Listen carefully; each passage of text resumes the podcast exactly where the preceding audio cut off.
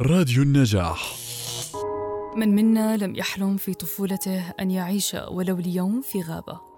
يرى فيها الطبيعة بأكملها وجمالها في ذات الوقت. تلك الغابات الجميلة ستصبح ضربا من الخيال.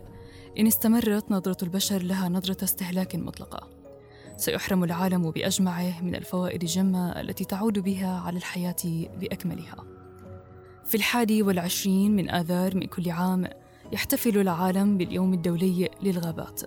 إذ يركز هذا اليوم في كل عام على إدارة استدامة الغابات إدارة مستدامة تساعد في معالجة أزمات تغير المناخ والتنوع البيولوجي.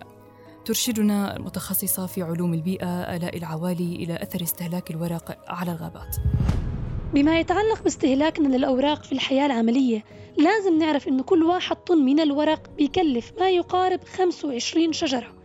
لهيك لازم نشجع ممارسات الاستهلاك المستدام خاصة الورق ولازم نكرس أهداف التنمية المستدامة اللي بالأردن بيسعى لتحقيقها واللي من ضمنها الهدف الخامس عشر والثالث عشر المتعلقين بالتغير المناخي والحياة على البر.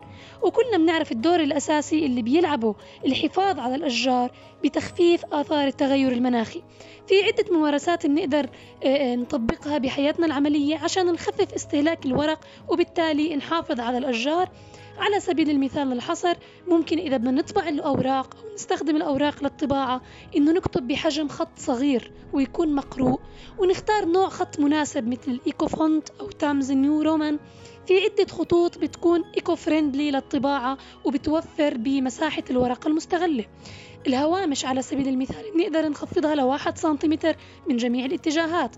نقلل المساحات الفارغة والملونة. نضبط التباعد بين الأسطر. على سبيل المثال برضو لما نيجي نشتري الورق اللي معاد تدويره أو المعاد استخدامه.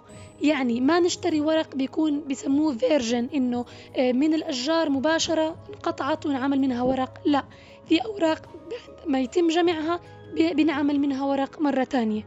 وبنفس الشيء إذا ما بدنا نطبع على سبيل المثال أو حتى لو بدنا نطبع خلينا نستغل الورقة من الوجه والظهر. وهذا الإشي كتير بيقلل من كمية الطباعة وكمية استهلاكنا للورق.